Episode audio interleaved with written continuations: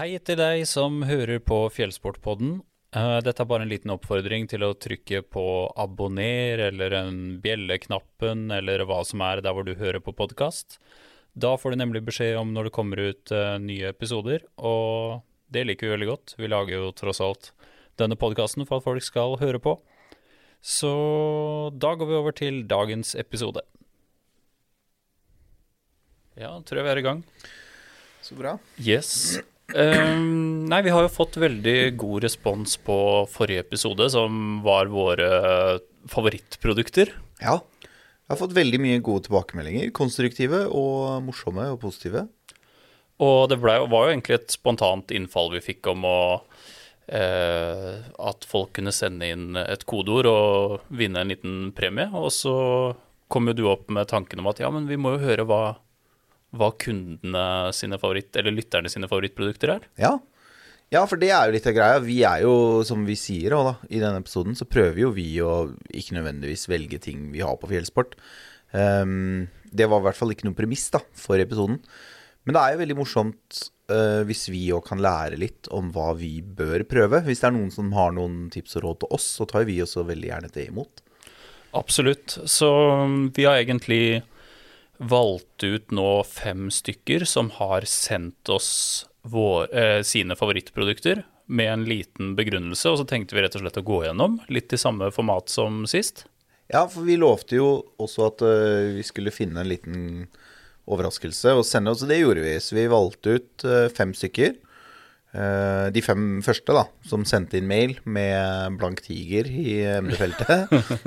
de um, Det ble veldig sånn DNB eh, når du logger på Ja. bank-ID. Ja, riktig. Ja, ja. Ja, men jeg likte det. Det var veldig morsomt, det. Um, så vi snekra sammen eh, fem små ja, handlenett i går med litt uh, Stæsj. småtteri, litt stæsj. Mm. Så det er hyggelig, og det, um, det er veldig hyggelig å kunne kommunisere med lytterne da, på den måten der. Veldig, veldig hyggelig, ja. Jeg tror vi kjører rett på. Han første heter Anders Røthe Johannessen. Og hans eh, Jeg går ut fra at det er hans favorittprodukt, siden han på en måte har skrevet ned det først. Men Ja. det er Mammut Trion Light 38 liter. Ja. Det er jo rett og slett en eh, ski-slash-klatresekk. Og det han sier, er at den har vært med på utallige turer i både ski, klatring og overnattinger på vintersti. Sekken har måttet gjennomgå både trange kaminer og fall på steinrøys uten å ha blitt så mye som synlig skadet. Etter fem-seks år med ukentlig bruk har den ikke noe nevneverdig eh, annet enn et enkelt hull som kommer fra en glød på avveie, eller en glo. Eh, selv her har ripstop-teknologien holdt hullet fra å bli større, til tross for at den fortsatt har blitt brukt som om det aldri var der. I tillegg til at sekken er lett og slitesterk, er den veldig tilpasningsdyktig, og du kan ta av topplokk, hoftebelte og ryggstøtte. Og han anser sekken nærmest som en turkamerat. Virkelig en 11 av 10-sekk. Åh, det der er så fint å høre. Jeg Særlig kan- det med turkamerat. Ja, det syns jeg er veldig hyggelig. Eh, For er, jeg kan kjenne meg igjen i det der, å ha en ryggsekk som man virkelig bare Altså, ja, den hører så hjemme, da, på ryggen. Og det er eh, jeg, jeg, jeg blir rett og slett litt sånn varm. Jeg syns det er Ja. veldig hyggelig å høre når jeg tenker alt det den sekken der har vært igjennom. Og så er det ikke noe overraskelse at det er mammut. Nei, Fy absolutt ikke Altså, vi kjenner jo litt til uh, merket og hvor sinnssykt mye utviklingstimer de legger ned i de produktene. Ja. Det er Og vanvittig. de lager noen ryggsekker som mange syns kanskje ryggsekkene deres kan være smale, ikke i passform, men i liksom brukervennlighet. da, At de er veldig sånn spisset. Veldig mange av sekkene er veldig sånn Denne fungerer veldig bra til det, ikke så bra til alt mulig annet. Men de har en teknologi, de har en kunnskap som er helt, helt rå. Bærekomforten er det ingenting å si på. De er ganske innovative og veldig kule, syns jeg, på skisekkene sine. Så, så sparer de ikke på liksom oppfinnerheten, hvis det er det det heter. Um, og de lager ganske mye banebrytende design som veldig mange andre produsenter uh, Som du kan se igjen da, hos andre produsenter senere. Og så har de jo mye skredsekker. De er jo de er en helt enorm produsent. Når det Særlig på de ballongsekkene også, er det ikke det? Ja. De, det er jo det vi har, i hvert fall vi selger mest av innenfor den kategorien. Ja. Mm. Og nei da, de lager eh, altså Og vi har jo ofte snakket om det her på, på kontoret, at det, sånn, vi to blant annet har jo snakket om det at det, er et overras Vi selger overraskende lite mammut. Vi selger ikke lite av det, men, men allikevel vi føler at det er et merke veldig mange ikke har oppdaget, og vi skjønner ikke helt hvorfor, for det, de lager jo helt rå ting. Ja, og tekstilen også. Ja. Vanvittig. Ja, ja, og det vi har sett av det og prøvd av det, så er vi jo ekstremt positivt overrasket. Alle som tar på seg en jakke, blir jo helt sånn wow. Og sammen med sekken òg, når du først får prøve å gå med den på tur, så er det jo veldig mange som får en positiv overraskelse. da. Min subjektive mening er at Mammut sine skalljakker har de desidert beste hettene i regn. Ja. Jeg er veldig glad i andre merker òg, men eh, der kan hettene ofte Jeg føler aldri at jeg får liksom stramma de nok sånn at når det pøsregner, så, så blir det sånne rare kanter her og der som samler opp vann. ja, ja. Mens Mammut sine hetter syns jeg bare Ja. Nei, jeg også syns jakkene deres, sånn i- med lag-på-lag-prinsipp og sånn, så syns jeg jakkene deres er eh, Skalljakkene, da. Helt uovervinnelig, altså. Men ja, eh, det blei en digresjon om mammut, Ja. men, eh, men Vi må eh, nesten videre, tror jeg. Hvis Sekken, ikke absolutt. Den kan vi, det kan jeg veldig stelle meg bak, selv om ikke jeg har gått mye med den selv. Altså. Neste produkt er også noe jeg personlig støtter veldig. Det er en favoritt hos meg også, og det er uh, Thermarest Ridge Rest liggeunderlag. Det er det gule og sølvfarga, ikke sant? Eh, ja, eller det her er vel, jeg tror rett og slett Nei, det er det Setlight, det, som er det gule og sølvfarga. det her er den rullen Ja, riktig, hvor det er, eh, det er vel grønt under og så folie oppå. Ja, riktig. Uh, og det, han det Anders eh, skriver her, er at som dere skriver på nettsiden deres, en klassiker. Mm. Beste eh, vekt til R-verdi på markedet. Det var i alle fall sånn. Og utrolig slitsterkt. Har holdt meg varm også på vintre. Classic-versjonen slipper også unna alle brettekanter Z-versjonen har. Det er det vaffel... eh, Nei, Mm. Trekkspill... Ja, det er den gule Ja. og, og sølvfarga som mange kjenner til. Ja. Så du slipper unna alle brettekanter Z-versjonen har, som jeg ofte, føler oftere rakner i brettekanten. Har også tilklippet en ridge rest til å passe i, rygg, eh, i ryggen på sekken, slik at det er mindre å dra med seg. Men denne har blitt byttet ut av sitteunderlag fra Kiwi, som jeg fikk eh, gratis en dag jeg skulle på butikken. Det veier absolutt ingenting og er ca. 6 mm tykt når det er brettet i to, men gir utrolig mye glede. Og her eh, Jeg liker dette produktet veldig godt, og det var eh, mitt første sånn liggeunderlag jeg kjøpte selv. Ja. Det var en sånn uh, ridge rest, og det er jo umulig å ødelegge det. Ja, ja det, Det er tåler helt, alt. Ja, ja, det er helt fenomenalt på det der. Det kommer også i en brei versjon, Ja, og det husker jeg jeg satte veldig pris på når det kom. Um, for da, det var første gang jeg hørte om et liggeunderlag som kom i en brei versjon. Det, det er ikke det at jeg er unormalt brei, men allikevel. Det er jo Alle har opplevd å skli litt ut av liggeunderlaget, da. absolutt. Um, og det skader jo ikke å overlappe litt når man ligger ved siden av hverandre i et telt. Ehm, så ja, det er en Jeg husker læreren min. Når jeg tok en bachelor i friluftsliv, så hadde læreren min det liggeunderlaget der. Samme læreren min på folkehøyskolen hadde det. Ja, Og det tenker jeg kan være en litt sånn Det er mange år siden det her, da, men ehm, det kan være en litt sånn pekepinn på at det var liksom utprøvd og testa. Det var Ja. veldig sånn Det var traust. Igjen, traust på en god måte. Vi bruker det ordet på en god måte. Men det var eh, Ja, det var et uovervinnelig og uslåelig underlag, altså. Og det er i hvert fall noe jeg har lagt merke til i det siste, sånn etterspørselsmessig, så skal folk kun ha trekkspill eh, skumgummiunderlag om dagen. Ikke kun, da, men, Nei, eh, men det har tatt veldig over. Ja. Men det er viktig da at vi ikke glemmer Ridge Rest Ja. og Bamse Ekstrem og Ja, ja, ja. For det Hvis uh, If the shit hits the fan, så er det de liggeunderlagene der som aldri absolutt. svikter. Nei, jeg tror um, Det beste jeg Altså, grunnen til at jeg kanskje foretrekker de trekkspillgrunnlagene, det er at jeg syns det, det er enklere å brette de to. Absolutt. Eh, liksom, og, og hvis jeg vil bare sitte dobbelt, da. Hvis jeg skal sitte på det, så kan jeg liksom lett brette det bare i fire. Uten at det blir de der høye buene på hver side. Um, det er kanskje hovedgrunnen til at jeg foretrekker de um, trekkspillversjonene, da, som blir en sånn firkant, må vi vel kunne si, når du har bretta de sammen. Ja, og så er det litt eh, Det er jo litt keitete med de rullene også, fordi der er du avhengig av å rulle hardt og kanskje ha en syltestrikk eller et eller annet for å holde det tight, da. Ja. det, det vil jo ut igjen, liksom. Mm. Nei, altså det er fordeler og ulemper med, med begge deler. Og Anders sitt eh, tredje produkt, det er første generasjon med Jetboil Flash.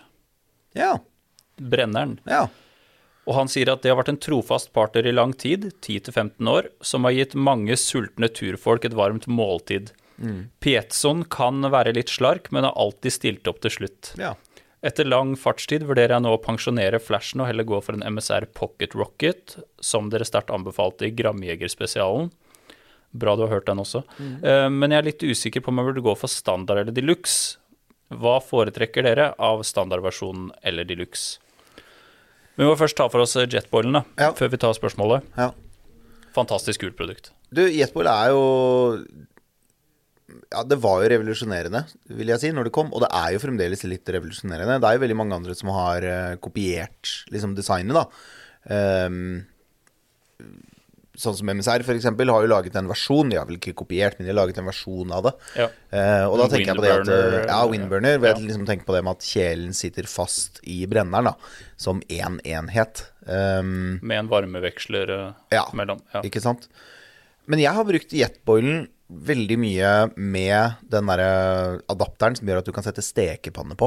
ja, for det skal jeg til å si at jetboil er jo på en måte et lite univers. Ja, det er det. Du Eh, kan kjøpe håper å si, presskannepresse, ja. er det det det kalles? Eh, ja, presskantpresse. Ja. French press. French press, ja. Fordi jeg skal akkurat si det, for jeg reiste i fire måneder rundt i Argentina med det som nå er kjæreste, eller kona mi. Um, og da hadde vi med en jetboil. Og da hadde vi med uh, den presskannemodulen, da. Og så hadde vi med den adapteren som gjorde at vi kunne putte en helt vanlig stekepanne, helt vanlige kjeler. Og da husker jeg vi stoppa på et loppemarked og kjøpte bare en helt vanlig stekepanne. Liksom Ja, sånn ja. Ikea-stekepanne. Mm. Uh, og vi tura rundt med, med denne jetboilen, og da, da liksom brukte vi jo bare den som hele kjøkkenet vårt. Uh, og den der selve koppen som er på, den er vel strengt talt bare for å, å koke vann. Jeg anbefaler ikke noen å skulle og lage mat i den der lille kjelen på toppen.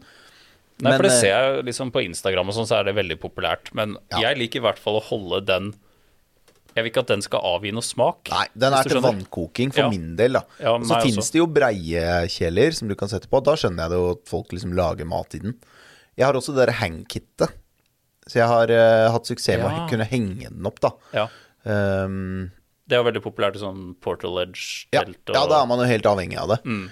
Ehm, men eh, nei, jeg syns det er en helt fenomenal Det er veldig mange som sliter med de piezo-tennerne. Du får Ja. jo også kjøpt løse piezo-tennere. Jeg tenker at det er ikke verdens største problem, liksom. Jeg ville sjelden dratt på tur og tenkt at den piezo-tenneren var den eneste kilden jeg hadde til flamme. Ja, og der kommer vi litt tilbake til det spørsmålet hans, da, om man skal gå for standard eller deluxe. Og der er jo forskjellen i hovedsak eh, piezo-tenner, er det ikke det? Jo, så vidt jeg jeg- kan huske, så er det For jeg har standard, og der er det ikke piezo tenner. Nei. Måten jeg løser det på, er at uh, jeg alltid har med meg et, uh, en bitte liten del av uh, holdt på å si sånn tennstål. Ja. Eller jeg bruker kniven på en måte til å dra, og så har jeg den stammen eller steinen, da. Ja. For da veit jeg at uansett hva det er, så, så får jeg fyr, da. Ja. Ja, Jeg også har alltid med meg det tennstålet, så for meg så er det ikke noe stort hokus pokus hvis den Petson ikke fungerer. Så da sier vi gå for den letteste. Ja, gå for den letteste. for jeg tenker Ja. hvis du skal ha det der, så skal du gå for det letteste. Og Ja. da, må du gå, da må du gå all in. Da skal du ha den lille gassboksen. Ja. Nei, jeg mener det. Da må du ha den lille gassboksen som, som passer ja. oppi. Ja. Ellers så er litt av poenget borte, da. Ehm, og nei, da kan du like gjerne omfavne hele universet. Og ja, hvis ikke du drikker kaffe, begynn å drikke kaffe, og bruk den der kaffepressa. Enig. Så går vi videre til neste person. Det er Ørjan eh, Michaelsen. Hans nummer én er rett og slett fjellreven Keb G1000-bukse. Han eh, begrunner det med 'impregnerer den etter hva jeg skal bruke den til', og funker i 20 plussgrader og i 18 minusgrader. Et enestående og egentlig altfor rimelig produkt. Det er spennende. Men den må behandles og tas vare på, ellers blir den ødelagt etter to sesonger med hyppig bruk. Ja. Og det er jo også et vanvittig populært produkt på fjellsport, uh, Keb-buksa. Den er jo, i motsetning til veldig mange andre uh, turbukser så er jo Det er vel 65% bomull og så 35% polyester, tror jeg, i det der G1000-materialet til Fjellreven. Eh, Så utrolig kult at uh, Fjellreven har lagd et produkt som jeg syns favner veldig breit, da. For det er jo på en måte Er du, har du en keb? Jeg har ikke en keb. Jeg har vurdert det mange ganger. Um, Jeg husker da jeg var litt yngre, så hadde jeg den derre Vidda Pro. Ja. Det er vel den forgjengeren, holdt jeg på å si, til uh, keb.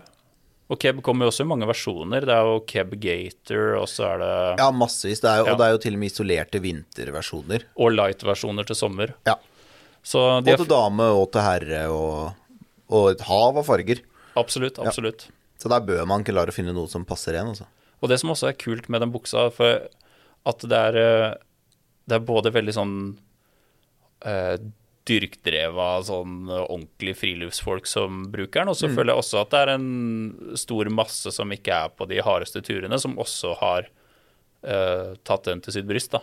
Ja, og det er liksom På en eller annen rar måte så har den turbuksa der klart å både Altså For det første så ser den veldig bra ut når den er skitten. Ja, Den gjør det. Den, den, eh, du kan godt jobbe som skogsarbeider, og, være liksom, og, og skogen kan være ditt arbeidsområde. Om du hogger ved, eller eh, om du er fotograf. Men jeg har også sett servitører på ganske fine restauranter bruke den buksa Litt sånn med selvfølgelig den identiteten til disse restaurantene, da. Men ja, jeg har sett den buksa bli brukt som arbeidsantrekk. det er tøft. Eh, ja, ikke sant? Du ser det litt for deg. Ja, det er litt sånn kul stil, det. Uh, og de hadde sånne fjellrevenskjorter, ganske fine skjorter, og så hadde de den buksa Ja. som liksom arbeidsbukse. Og en ting mange kanskje ikke veit om den buksa, i hvert fall den standardversjonen, er at den har jo plass til knebeskytter. Ja, Og knebeskytter er noe vi begge er glad i. ja, ja jeg det elsker er, det. Åh, det er helt konge, enten det er kaldt eller varmt. Ja. Så jeg har ikke keb selv, har aldri hatt den. Eh, men jeg vet allikevel at jeg kan gå god for den. Eh, da det, for min egen del så er det nok litt med passformen. Det er ingenting imot fjellreven eller noe. Det er nok bare litt med passformen å gjøre. Jeg er jo veldig glad i den ideen om å ha mye bomull eh, og ha en bukse som du impregnerer. Um, og jeg, veld, jeg skjønner veldig godt at folk bruker den på vinteren. Ja, altså Han sier han bruker den i minusgrader på ski. Det kan jeg veldig godt skjønne. Det er, Ja, det er jo bomullen som ja, ja, det er jo en helt topp bukse Ja. å, å gå på ski med. Så det er ingenting i veien med det. Neste er Rab Ascent 700 dunsovepose. Ja. Han skriver at den funker kjempefint på sommeren, siden jeg bor i Nord-Norge, men er en fullverdig varm sovepose på de absolutt kaldeste nettene på høyfjellet, når jeg kombinerer den med å legge en jervenduk i bunn, Ja. en termarest og Expedura 8 å ligge på, samt en robust Sea to Summit soveposeliner. Å ja, det var veldig mye greier plutselig, da. Det Ja. høres jo ikke ut som den soveposen fungerer i det hele tatt uten disse 15 andre tingene. Ja, men det var på de kaldeste nettene. Ja, ok, ok, ok. Absolutt kaldeste nettene i. Nord-Norge, vet du. Det, det er heftig. Uh, og da har han også godt ullundertøy og en balaklava, så sover han godt i 30 minusgrader i den posen. Vi er jo ikke overraska over at det er en sovepose fra Rab her. Nei. De det- går jo for å være down experts. Ja, ja. De er jo duneksperter uten like. Det er jo De lager jo soveposer av en helt vill kvalitet. Um, Og den Ascent-serien har jo på en måte vært Den har vært i flere år nå, har den ja, ikke det? og det er jo et av flaggskipene deres. Ja, det er ikke noe de eh, bare dytter ut for moro skyld, det greiene her. De er stolte av det. De har mye ære i Ascent-serien. De setter ikke det Ascent-navnet på hva som helst uten at det skal være noe de faktisk kan gå god for. Og så er det noe av det som er litt viktig å tenke på, sånn som med Rab, da. Um, en ting er selvfølgelig at de er ekstremt nøye på at dunet deres er veldig bærekraftig. Um, de har vært veldig tidlig ute med alt det der. De gjør en vanvittig stor jobb på hele dette bærekraftgreiene, som mange kanskje ikke helt vet om. De er kanskje ikke de beste til å kommunisere det, men jeg syns det er litt kult òg. Det er liksom ikke så nøye for de. Som de sier, de gjør ikke det for å selge mer, de gjør det fordi de syns det er riktig. Og så er det veldig Jeg syns det er veldig spennende sånn som eh, Jeg anser jo også Mountain Equipment da, for å være et av de absolutt råeste merkene innenfor Dune. Ja, ja. De som Men de er veldig sammenlignbare, de to merkene der. Ja, det er, det er noe med det. Jeg bare tenker på den episoden jeg hadde med Kristoffer Kleven fra XC Sports. Ja. Liksom, og du hører, hører liksom hvor mye som ligger bak eh, tankegangen deres rundt dun, så er det veldig gøy da at de er motstandere av impregnering av dun. Ja. Rab er veldig forkjemper for det. De Nickwax Ja, eh, ja, ja. impregnerer jo alt dune dunet og Men det er gøy at merker kan ha så forskjellig approach, liksom, til det, og ingen av delene er dårlig. Nei. Det er på en måte Og begge kommer fra England. Ja. Det er kanskje det, det, er kanskje det jeg syns er rarest, da. ja. At begge kommer fra et sted ingen egentlig forbinder med særlig sånn tøft friluftsliv. Men det er noe herskapelig og litt sånn Ja, Dette er et britisk merke. Ja, ja, ja, og så har de vanvittig mye røft vær. De har mye dårlig vær. Det er veldig mye britiske mm, Altså folk som har reist jorda rundt, da. Det er jo ikke bare fjellene på, på, i Storbritannia som de driver og klatrer med disse klærne. Neida. Så um, Og de har mye tre grader og regn òg. Ja, ja, absolutt. jo. De har mye nordvestlands eh, drittvær, altså. Mm. Nei, det jeg skulle si var at eh, en ting som også er viktig, og det er jo samme med ME òg. Det er noe med den dunet de velger. De velger den beste dunen de får tak i på markedet. Og det er eh, Det gjør en stor forskjell. Eh, De, de drar ikke bare liksom til en eller annen lokal bonde. De velger Nå skal ikke jeg hive noen andre merker under bussen her, men, men jeg vet liksom De kan være så spesifikke at de vil ha dun fra tre år gamle hunngjess fra gitte østeuropeiske land, for det er den beste dunen som fins. Og det er den uh, gåsa som har det best når den uh, produserer denne duna.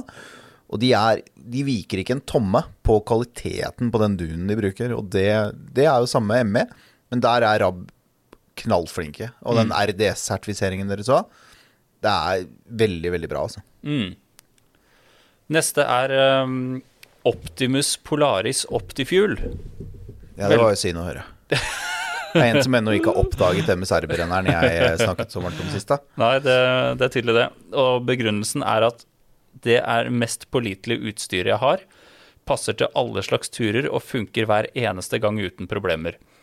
To ganger har jeg kommet hjem fra tur og kastet brennere i garasjeveggen fordi den ikke funket som den skulle, og det ødela turene mine helt.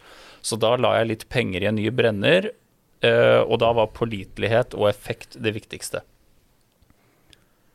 Brennere, det er eh, Begge kandidatene hittil har eh, nevnt brennere. Ja. Og man hørte jo litt det lidenskapelige forholdet du hadde til Ja. XGK-en i forrige episode, så jeg Ja, jeg det er er litt sånn overraska. intern spøk her på huset òg, da, at jeg Jeg vil ikke ha mat som er laget på noe annet enn en MSR-brenner.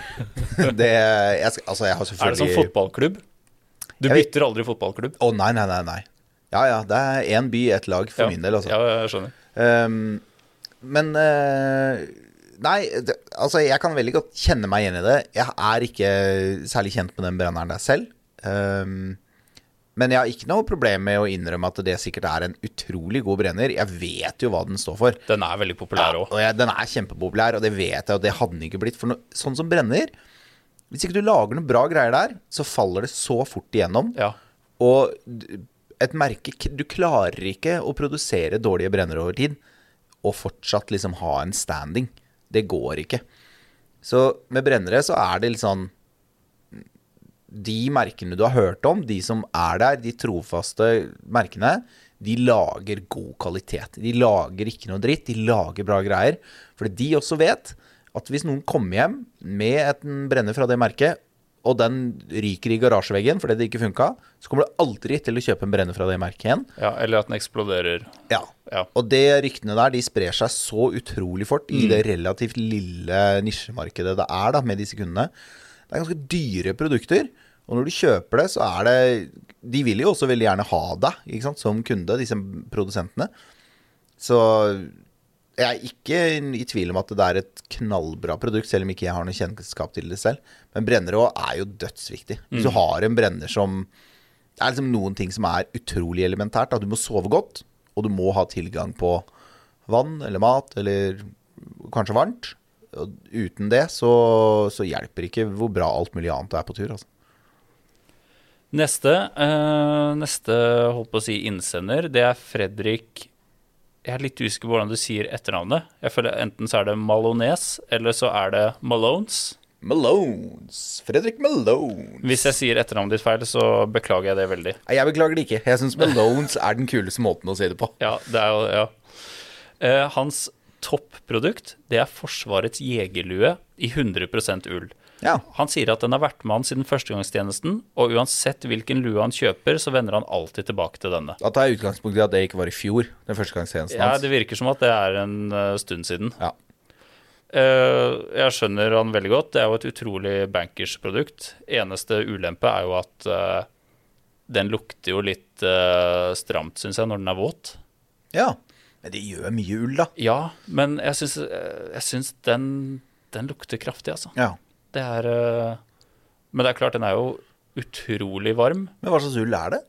Vet du det? Nei, det veit jeg ikke. Jeg vet ikke hvem Men det er som vunnet, på, det er vunnet på anbud, da. Ja. Hvis det kan.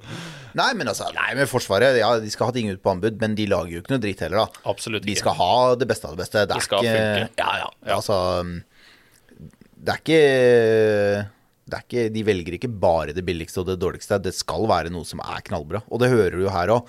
De har ikke laga en dårlig lue. Nei. Men jeg bare vet ikke om det er laget med norsk gull, eller Jeg vet ikke hvem det er som eventuelt produserer den. Det hadde vært litt kult å vite, egentlig. Om det er uh, Dale eller Troll Tekstil eller liksom Aklima. De produserer jo mange sånne kanskje ting. det er av klima. Ja, jeg vet, De har jo produsert mye sånne ting tidligere Ja. vet jeg. Som ikke nødvendigvis står av klimalogoen på, da, Mm. men de lager det. Ehm, og så er det vel noe med at litt forskjellig ull kan lukte forskjellig også. Mm. Um, Merinoull, liksom, som mange kjenner til, lukter kanskje annerledes når det blir vått, da, enn um, enn, uh, norsk ull, eksempel, hvis det makes sense. Ja. Og hans neste produkt er veldig glad for at det merket er blitt nevnt. Exped Synmet 7 Longwide med chairkit. Ja. Så egentlig to produkter. Og han skriver at det ble en helt ny verden når jeg endelig tok overgangen til oppblåsbart liggeunderlag, og med chairkit blir tiden i teltet en fryd. Og jeg, jeg, jeg, jeg er så enig med deg, Fredrik, om at når du tar den overgangen til oppblåsbart liggeunderlag, så er det no way back. Ja. Jeg husker også den tida før, og det tror jeg vi har snakka om før, du og jeg også, Oskar, hvor, hvor man var eh, litt ung, og du sov godt bare på et uh, skumgummiunderlag. Ja, ja. Også det der det liggeunderlaget som er sånn bitte, bitte små firkanta ruter, som er grønt på den ene siden Yes. og hvitt på den andre siden. Som er Altså, det er tynnere enn en iPhone. Og omtrent like hardt, da, som en iPhone. Jeg fatter ikke at det liksom Men herregud, så gøy vi hadde det. Og ute og på tur. På vintertur, liksom. Ja. Lenge. Og husker på, husker på sommeren òg, så var det sånn Hvis du satte teltet oppå noen røtter, da, som kanskje er litt vanskelig å unngå på Østlandet innimellom, så måtte du liksom skissere deg ut en liggestilling sånn at du kom deg unna den rota. Ja. At du fikk den inn i knehasen, f.eks. Ja, ja, det var veldig viktig. Du Ja. måtte finne deg akkurat det lille redet, da. Ja. som du kunne ligge på. Mens nå er jo det nå er, Uansett hvor jeg setter opp teltet nå, så er det jo flatt og mykt da, det der kjempesvære liggen, oppblåsbare liggeunderlagene som vi bruker. Og Exped, det er, jo, det er jo et eh, vanvittig bra merke som vi selger utrolig mye av på fjellsport. Ikke at det skal ha noe å si, vi skal ha journalistisk integritet Mm. Ja, i behold, ja, ja. men Exped er vi veldig glad i, og eh, Og longwide, det ja. er jo også kundene utrolig glad i. Veldig. Eller forbrukerne, da. Det ser vi jo at eh, mange vil veldig gjerne ha det lange og det breie liggeunderlaget. Men jeg husker du ga meg et veldig bra sånn gramjegertips da jeg skulle oppgradere hele utstyrsparken min. da. Og det var å kjøpe enten dameunderlag eller medium wide. Ja. Og det er jeg så fornøyd med, fordi jeg sover som regel på sida. Ja. Jeg trenger ikke 1,97, selv om jeg er 1,89,5 høy. Ja, ikke sant?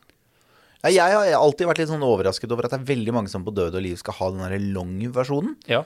Jeg har ikke helt skjønt det, og, og jeg har jo et liggeunderlag som er kortere enn meg selv, men jeg har jo liksom beina da oppå ryggsekken eller oppå skoa eller et eller annet sånt, eller hodet. Jeg føler at jeg trenger ikke ha et liggeunderlag som er like langt som hele kroppen min. Jeg er kanskje litt annerledes enn mange andre der, men allikevel, jeg har ikke helt forstått hvorfor folk skal ha med seg den der ekstra liksom 20 centimeterne med liggeunderlag. Um, men det er jo Men ja, ja, for all del. Det, det må folk få lov å gjøre som de vil med.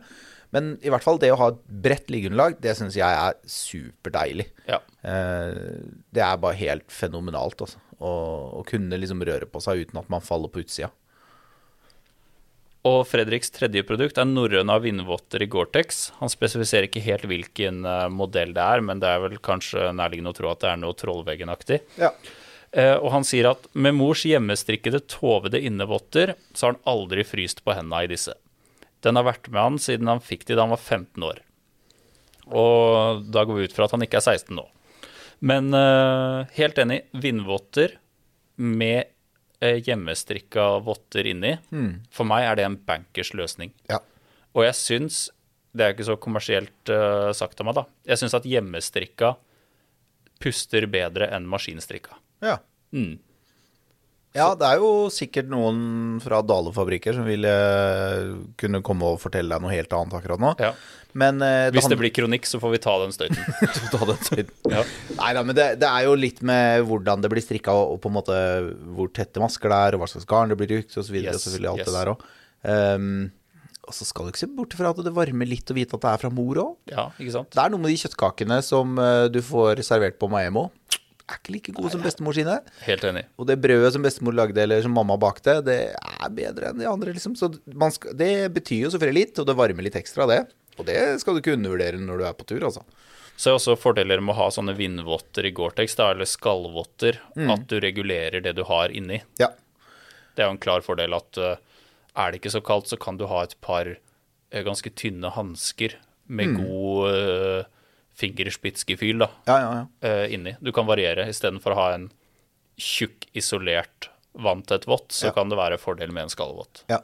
Og jeg har blitt kjempe Jeg har blitt veldig glad i de siste åra å gå med disse Jeg har tilsvarende votter, da, bare fra et annet merke. Sånne litt lange skallvotter. Um, og jeg har det på utsiden av hansker. Ja, Ikke bare votter, men jeg har det også på utsiden av ikke så veldig tjukke hansker. Sånn, sånn, se for deg en sånn toppturhansker type. For det, jo, det stopper jo vinden. Det lager jo et veldig godt uh, isolasjon. Det hindrer jo at jeg får eh, snø og vann og fukt og sånn på disse hanskene. Men hvis jeg tar av meg vottene, da, så har jeg hansker Ja, som du sier, da. Veldig sånn finger... spitzgefühl. Spitzgefühl der, ja. Ja. Eh, så nei, høye votter, men det er viktig å påpeke. De må være litt høye. De må gå litt oppover underarmen. Hvis Ja. ikke så er poenget litt borte for min del. Absolutt. Nestemann på lista er faktisk en veldig god kompis av meg. Han heter Hans Olav Bjerknes. Han er fra Lier. Han er født i 1992, skuddårsbarn. Oi, se det. Ja, så nå har jeg utlevert han. Og øh, det er ikke så mange overraskelser for min del på denne lista, men øh, første, førsteplassen hans er Devold Nansen-genser. Ja. Og den, øh, Hans Olav skriver at denne genseren stoler jeg såpass mye på, og den har fått herlige bruksmerker for alle turene. Syns også at den tåler overraskende mye. F.eks. når man bærer ved og kvister og annet stikker inn i genseren, så blir det aldri hull eller noe. Og her har jo jeg og Hans Olav på en måte Vi er ganske forskjellige på den mellomlagsbiten. Ja. Vi har vært mye på tur sammen. Vi gikk på folkehøyskole sammen. Jeg sverger jo til eh, syntetisk mellomlag, altså i form av fleecejakke og sånn. Jeg orker ikke den, de ullgenserne. Nei, nei. Jeg veit ikke hvorfor, men uh, eh, Men Hans Olav, han på andre siden er utrolig glad i de. Ja. Kommer med rund hals. Kommer også med høy hals som brettes. Yes, han, han høy med- han sin er høy hals. Med glidelås, eller? Ja, med Ja. glidelås. Ja. Så ikke noe overraskelse for min del der. Og mange sverger jo til Det hørte vi også fra Thomas Werner. Den derre tjukke, gode ullgenseren Mm. Ja, ja. som han tar over, det er liksom Det er uh... Jeg tror, noen, jeg tror mange også kan kjenne seg igjen i det at de liker den vekta. Ja. Ja, men jeg, jeg tror den der følelsen av Det er liksom som å ha en litt tung dyne. Mm. Det er en følelse av at du blir sånn omfavna. ja. Og det tror jeg liksom også kan kanskje ha en effekt, da. At folk eh, liker den følelsen den ullgenseren gir, da. Kontra en eller annen sånn superlight, eh, lett, tynn dunjakke, eksempel. Som er liksom i andre enden av skalaen. Jeg tror det er mange som kan like den. Og så skjønner jeg veldig godt at den høye halsen, den er jo fantastisk. ja, herregud. Eh, og den glidelåsen, så lenge glidelåsen fungerer, og det har jeg ikke noen grunn til å si at ikke den gjør, men eh, så er jo den utrolig kjekk, da. Den går ganske langt ned, så du har muligheten til å lufte godt. Men du har muligheten til å sippe den opp, og da husker jeg når jeg hadde Jeg brukte mye sånn genser tidligere. Og da istedenfor å brette den ned etter at jeg hadde tatt og glidelåsen, så hadde jeg den helt opp, sånn at den gikk jo helt opp til nesa. Og det var kjempedeilig. Når jeg sto på hundeslede eller satt på snøscooteren, så var det utrolig deilig å ha den kjempehøye halsen, da. Som da gikk hele veien opp til nesetippen. Og så er det vel noe veldig urnorskt Ja. med den der tjukke ullgenseren. Du ser jo for deg eh, Lofotfiskeren, ikke sant? Du ser jo for deg Nansen, da. Ja, Nansen òg, selvfølgelig. med den. Og så kommer den i veldig mye kult design. Den kommer i veldig mye kule farger. Det er en uh, gul og hvit versjon Ja. med gul og hvite farger. Altså Alle jenter som tar på seg den, ser jo så pene ut. Det er uh, Nei, jeg, jeg syns det er en kjempefin genser, så jeg kan kjenne meg igjen i det. Og imponerende at eh, den ikke har eh, mer hull enn det den har for eh, Hans Mm. Det er Olav. Nei, da. Tåler jo glør. Tåler jo Ja, ja. Ikke at du skal tenne på deg sjøl, men den tåler jo flammer. Eh, Og Hans Olav er glad i bål, det Ja. vet jeg. og så kan den vaskes. Ja, absolutt. Og neste produkt er håndleddsvarmere. Og han begrunner det med at mitt neste produkt er noe som folk sjelden snakker om, og ofte forbundet som et moteplagg hos damer, men det er faktisk håndleddsvarmere. Jeg personlig har hjemmestrikka fra mor, men det finnes Hei, Wenche. Men det finnes garantert gode produkter der ute innen dette.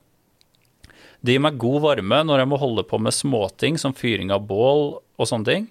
Og den dekker også det glippet mellom jakka og hanskene. Eh, og det faktum at eh, du har det hele tida på deg, så er det aldri i veien. Det finnes noen produkter hvor det sitter på jakka, men jeg liker det best som et separat produkt, da man kan ta av seg litt klær når man jobber, men fortsatt ha de på. Så de reiser Hans Olav sjelden på tur uten. Ja. Har du noen erfaring med det? Altså, jeg lurer på hans bilde av kvinnemote, da.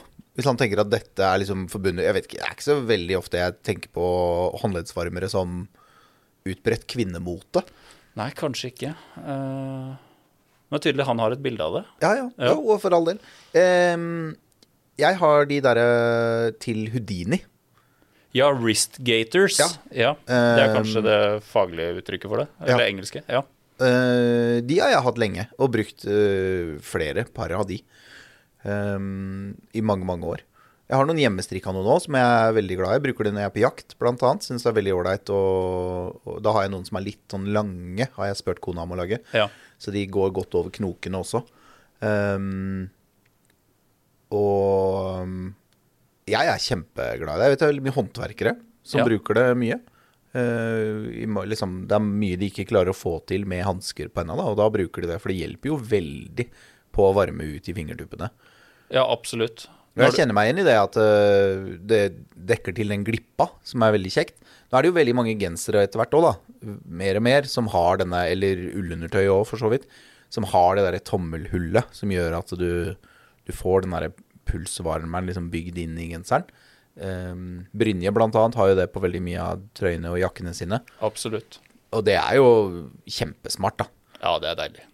Men da kan jeg bare slenge inn, når vi snakker om Houdini For det, jeg jobba i en forretning en gang og solgte veldig mye av disse håndleddsvarmerne da, fra Houdini. Men da hadde vi også knevarmere fra Ja, Houdini. De ja, husker jeg hang rett ved siden av hverandre. De hang på liksom kassa i denne butikken her. Um, og det jo solgte vi som bøtter og spanna, og det var folk kjempefornøyde med det òg. Og jeg hadde brukte det, jeg òg. Det husker jeg, det er også en sånn undervurdert ting, syns jeg, da, som går litt i samme kategorien. Mm. Så hvis du er, har en mor eh, som er nevenyttig, eller en, eh, kan gjøre det selv, eller kjenner noen som du kan komme med et sånn strikkeønske til, så prøv rett og slett en sånn knevarmer. Altså, det er helt suverent å kunne trekke på seg og ha under buksa. Jeg fikk en gang eh, strikka til meg overarmsvarmere.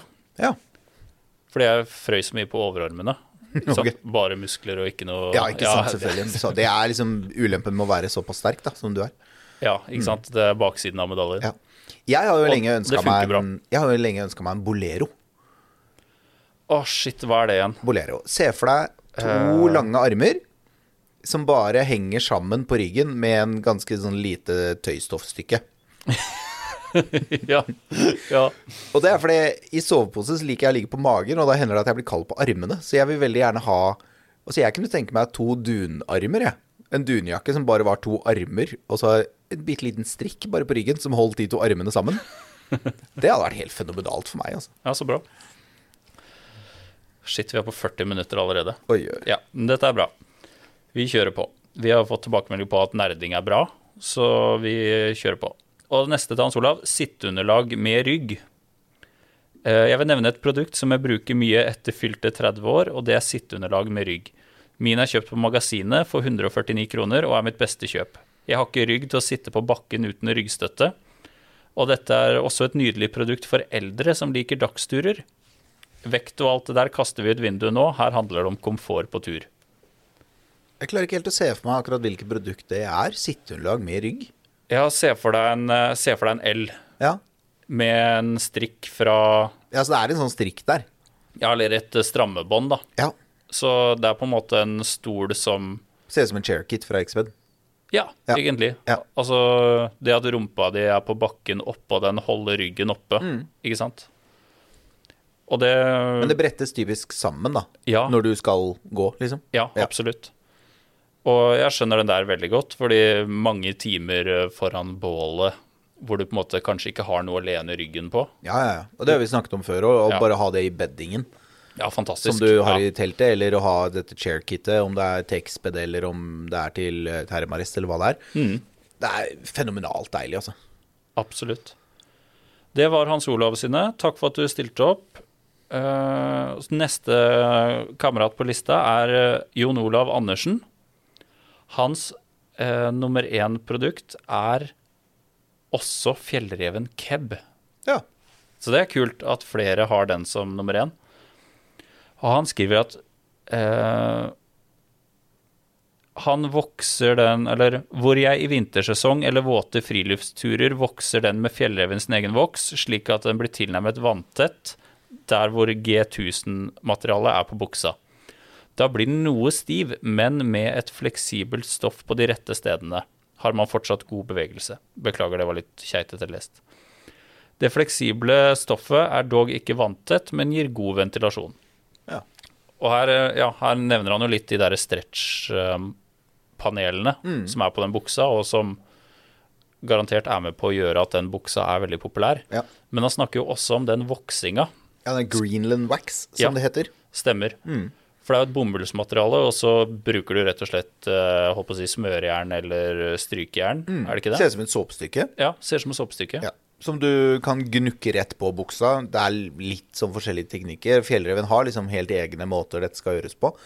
Jeg, vet, jeg har sett folk gjøre det på alle mulige rare måter, jeg, altså det, og jeg tror ikke det er Det Er det litt det samme som oilskin? Er ikke det også sånn Eller Jo. sånn barberjakker? Så mener jeg også at man, man vokser de. Jo, men de er veldig, er veldig, det forbinder jeg med at de har veldig mye mer voks, da. Ja. For de er liksom vanntette. Det Ja, de skal sauses ja. inn. Ja, de skal vel sauses helt inn. Men, de der, men jeg har liksom sett folk bare smøre det på, eh, og så henge buksa inn i tørkeskap. Altså sånn Ja. varmt skap. Og så må ikke nødvendigvis ha et strykejern, tror jeg. Eh, jeg har ikke gjort det så mye, men de gangene jeg har gjort det, så har jeg bare gnukka det på, og så vrengt det. Og hivet hele greia i tørketrommelen jeg, på litt varme i fem minutter. Mm. For å på en måte bare få varma opp den voksen og få det til å trekke inn. da Og så ser du veldig tydelig på klærne. Jeg har brukt den G1000-voksen på andre ting. Jeg, jeg har jo ikke kebbuksa selv, men jeg har Nei. brukt den på andre materialer og bomull. Og det Ja, blant annet på et par vindvotter har jeg brukt den. ja. Så um, den er helt fenomenal, den, altså. Og så neste her, der står det to produkter. Husker du den her? Uh, for han skriver Devold Svalbard, Svalbard skråstrek Aklima tynn ullgenser med integrert hals, balaklava og håndleddsvarmere. Og her eh, du, du, du. For her står det at bukse har mange gode og praktiske lommer, men Devold Svalbard er vel ikke en bukse? Nei, det er jo en genser. Ja. Uh. Ja, for beskrivelsen her passer ikke, så her har vi muligens uh, Copy-paste av feil, ja. copy-paste av feil. Ja. Ja. Nei, men eh, vi har jo også vært gjennom eh, Devold Svalbard, eller i hvert fall Devold ullgensere tidligere. Mm. Vi har snakka om eh, eh, eh, håndleddsvarmere. Men det der med integrert hals og balaklava, Mm. det er litt spennende. Ja, det var jo noe av klima, så vidt jeg kjenner til. Altså var det klima som starta med det. I hvert fall på det norske markedet. Det begynner å bli en del år siden. da er det noen flere som lager det òg. Og det er jo smart, da, med den derre hetta som du liksom kan ha på ryggen, og den blir jo såpass tynn at den er ikke til noe irritasjon. Så kan du dra den over og enten da få en hals, eller så kan du ta på deg hetta i tillegg, så får du skikkelig sånn ninja-look. Ninja Ja, stemmer. Um, og så har de jo disse håndleddsvarmerne som vi har snakket om, også tommelhull, da, som gjør at du kan eh, varme opp liksom pulsen, pulsåra. Um, mange av de har vel også en lomme på magen. Ja. Syns jeg er veldig ålreit, da. Der har jeg sydd inn noen glidelåser. Jeg vet ikke om de nye modellene har det, men jeg har sydd inn glidelåser der, sånn at jeg kan legge liksom batterier og ja, smart. sånne ting da, i den lomma. Men um, For jeg har jo den Aklima ull-onepiecen. Oh, ja. og den har også integrert uh, balaklava og hals. Mm. Men der må jeg rett og slett innrømme at den skjærte jeg bort. Halsen? Ja. Ja. Så nå Både hals og hette, eller bare en av de? Begge. Ja. Så nå ser den ut som at den aldri har hatt Nei, nei. Og Men hvorfor tok du det vekk? jeg syns det var litt i veien. Ja. Og så syns jeg at eh, jeg er litt var for sånne ting som er stramt mot halsen. Ja, riktig. Så jeg bruker ikke slips og sånn. Ja. Det er ikke noe sånn traumatisk bakgrunn for det. Er bare jeg, jeg blir fort litt sånn Men er ikke det den Jerry Seinfeld-vitsen om at å ha på seg en sånn høyhalsa genser er som å bli veldig, veldig, veldig svakt kvalt? Jo, Ja. jeg tror det er det jeg også føler på. Ja. Så jeg skjærte faktisk bort den, da. Ehm, men uh, hvis man liker det, fantastisk Mm. Og den har vel også glidelås nedover hele magen, sånn at du ikke Ja, Der er det selvfølgelig ikke noe lomme på, lomme på magen, nei. stemmer. Og så er det crap flap. Ja. Drop seat. som Drop det- seat, mener jeg. Ja, Ja, som sorry. det populært heter. Ja, det var mer pro- proft. Tredje produktet til uh, Jon Olav er Helinox Chair One eller Zero. Og så sier han jeg må nesten velge noe annet enn klesplagg på nummer tre. For mitt friluftsliv, uansett om det er med familien eller en gutta på skaventur, så er Helinox-stoler alltid med, og er tidenes komfort rundt bålet eller generelt i camp. Deilig å hvile beina og ryggen med en stol etter en lang marsj. Skikkelig luksus. Man, eh, med en truge så synker man heller ikke ned i snø eller jord. Det er vel et produkt du får kjøpt på sida, er det ikke det? Sånn ground kit. Ja. Eh, lav vekt og, passe, og pakker perfekt utenfor sekken eller nederst i soveposerommet sammen med an, andre ting. Funker også utmerket som tørkestativ for sko eller sokker. Ja. Veldig kult at Helinox blir nevnt. Det er jo et vanvittig populært produkt på, eller produkter på fjellsport. Og de er vel kanskje de første som knakk den koden med virkelig lette, komfortable, men holdbare stoler. Ja, og i hvert fall i Norge så syns jeg de var de første som klarte å liksom bridge glamping og friluftsliv, da. Altså det der em, tok liksom campingplasselementene virkelig inn selv hos gramjegerne, da. Eller selv hos de som skal gå på vidda og bære med seg alt sjøl. Så ser man flere og flere som faktisk går og bærer på disse campingstolene. Og jeg bare, For ti år siden så var jo det utenkelig at noen skulle drive og bære med seg en campingstol. Den gangen så var det også utenkelig at folk skulle bære med seg oppblåsbare liggeunderlag, da. Men allikevel så um, syns jeg Ja, ti år var litt lite. 20 år. Men, um, men det er veldig imponerende det de har fått til. Jeg har jo også feltsenga deres. Oh, ja. En av de feltsengene deres. Og jeg bruker den. Syns den er helt utrolig god. Bruker den hele året. Um, på vinterturer også. Og jeg er kjempefan av, av de eh, stolene deres. Jeg har tre forskjellige stoler, jeg, da. ja. Fra, fra de. Jeg har også et av de der varmetrekkene. Jeg kjøpte det i gave til kona mi i bursdag for noen år siden. Det der varmetrekket som du kan trekke på utsiden av stolen. Oi. Det bærer vi kanskje ikke med oss når vi går over Langevidda, men når vi er på sånne nærturer, da, bare jeg og henne og tenner bål og slapper av, så har vi med det. Og det er, gjør jo at det blir utrolig mye lunere og varmere å sitte i òg. Så bra. Da tror jeg vi takker eh, Jon Olav for hans bidrag. Neste vi har på lista nå, er eh, faktisk en kollega av oss. Lars Øystein Iversen. Ja. Han har sendt inn, han også, og eh, første, han, første produktet hans er Covea Fireball. ja. Og Det er den varmeovnen det, som du setter på en uh, gassboks.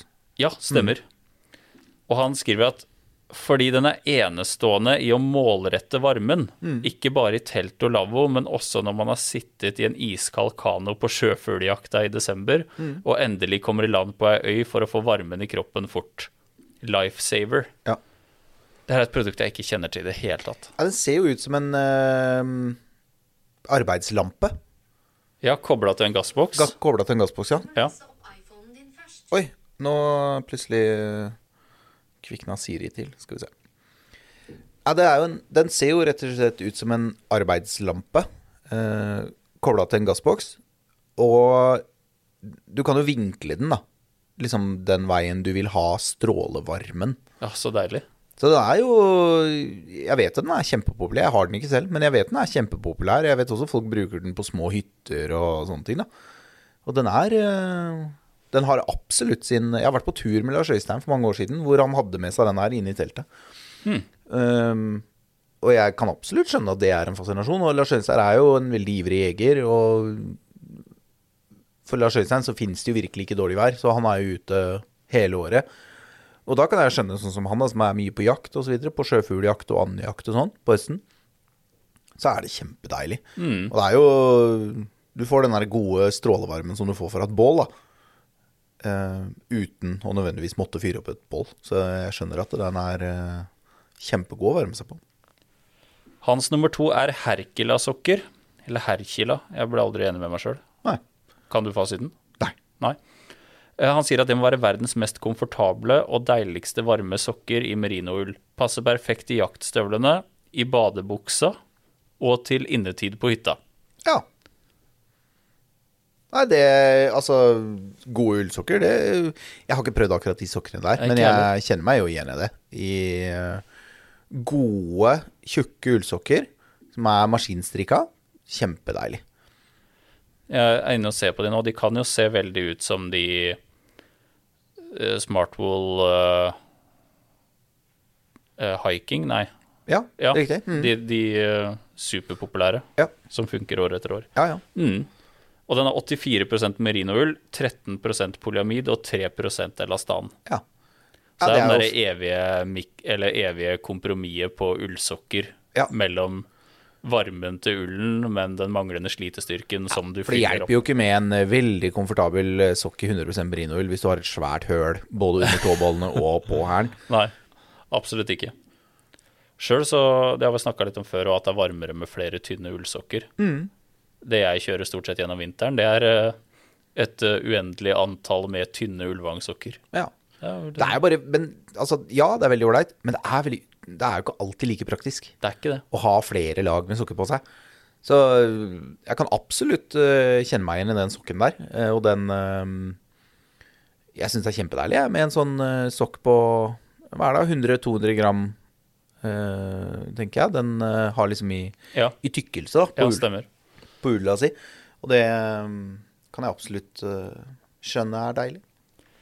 Det tredje produktet til eh, Lars Øystein er Helle Nying. Ja. Ja, en kniv. Og han sier dette er en for meg nostalgisk turkniv som jeg opprinnelig fikk av min farfar som femåring, og er med på alle turer ute i naturen. Liten og lett, stor nok og er aldri i veien når den henger i slira på beltet. Kniven er produsert i 1979, og jeg fikk den i 1980. ja. Det er et kvalitetsprodukt. Ja, det er kvalitetsprodukt. Helle lager utrolig fine kniver. da. De lager kjempegode produkter. Norsk knivprodusent. Kjempe, Kjempeartig. For her er det tre store, er det ikke det? Det er Helle, Øyo og Brusletto. Ja. Altså Ja. selvfølgelig, det er jo flere vi kunne nevnt. Da. Ja, ja, Deriblant liksom Strømming. Ja, ikke glemme knivsmed Strømming oppi Fantastiske produkter, det òg. Ja. Ehm, den, det er jo den mer populære, det som ofte blir kalt samekniv, da. Ja. Um, nei, men Hellig Nying, og den er jo liksom bitt, ganske liten, litt sånn stuttjukk. Jeg har også vokst opp med en far som hadde akkurat den. Og jeg husker veldig godt den slira med de fire hullene i, og det er en kjempegod, det er en kjempegod kniv. Den ligger godt i handa, ganske, mener jeg å huske, uten at jeg har den foran meg nå. Jeg har jo en hjemme òg. Ganske stort uh, håndtak. ja. Altså ikke langt, men ganske sånn eh, tjukt da, å holde i. Du, Passer ser- nok ikke så godt for barnefingre, tenker jeg. Nei. Når jeg ser bildet av nå, nå, den hadde faren min òg. Ja, ikke sant? Ja. ja. Jeg ser det, og den derre litt uh, distinkte pluggen på enden. Ja. Mm. Ja, den der lille knotten ja på enden til å feste. Ja. Nei, og den er, det er en kjempegod kniv, så den er, det har nok blitt Jeg vet ikke, det er, det er kanskje å ta en råsjanse her nå, men jeg vil, hvis jeg skal sette penger på at den kniven som har spikka flest pølsespyd i norsk historie, så ville jeg satt penga på den kniven. Ja. ja, jeg tror det er uh, innafor å si. Ja. Da tror jeg Nå skal jeg bare ta en kjapp uh, sjekk gjennom uh, lista her, men nå lurer jeg på om vi er faktisk gjennom. Det, var det var fire, da, og ikke fem. Er det noen spesielle ting du føler at vi har glemt, eller? Fra sist, liksom, etter de, vi snakket om de ti eller ni produktene som vi ramsa opp. Er det noen produkter du snakket, tenkte på i ettertid? Uh,